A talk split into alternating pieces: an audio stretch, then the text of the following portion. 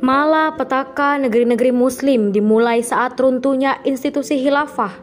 Dunia menangis, kezaliman demi kezaliman yang menimpa umat muslim bagai tak bertepi. Penindasan, pengusiran, pemerkosaan, bahkan pembantaian pada umat muslim terus terjadi. Sungguh kemalangan yang nyata saat institusi khilafah tak lagi hadir untuk melindungi umat manusia.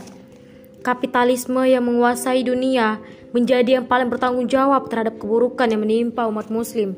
Sungguh, kemuliaan umat muslim sebagai umat terbaik tengah terinjak-injak oleh negara kafir barat bersama antek-anteknya.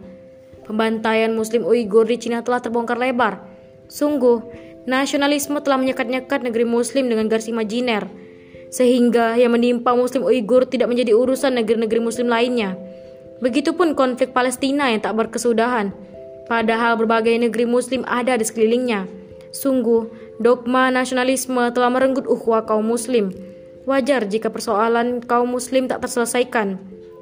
Tak berbeda dengan Indonesia, yang masih terjajah secara ekonomi dan politik, justru menjadikan negeri yang berlimpah sumber daya alam ini tak bisa menikmati miliknya sendiri. Semua ini akibat dari penguasaan sumber daya alam oleh korporasi multinasional.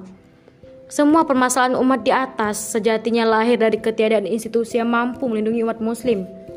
Malah petaka ini terjadi akibat runtuhnya khilafah yang mengantarkan kemudahan barat untuk menghegemoni negeri-negeri kaum muslimin.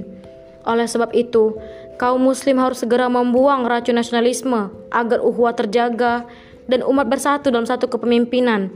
Berdasarkan hal itu, Solusi paripurna bagi terselesaikannya masalah umat adalah dengan menegakkan kembali hilafah agar umat Islam dapat kembali bersatu di bawah satu kepemimpinan Islam.